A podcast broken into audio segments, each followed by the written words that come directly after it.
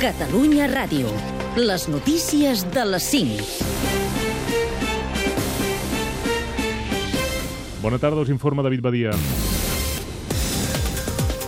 Nova tarda de bombardejos mortals a la franja de Gaza. Un atac de l'artilleria israeliana contra una escola de l'ONU mata almenys 20 palestins i en fereix més de 150. A l'edifici s'hi refugiaven centenars de persones.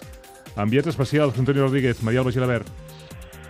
Bona tarda. A l'Hospital del Xifa de Gaza City, la capital de la Franja, comencen a arribar les primeres víctimes d'aquest bombardeig en una escola de Nacions Unides a Beit Hanun.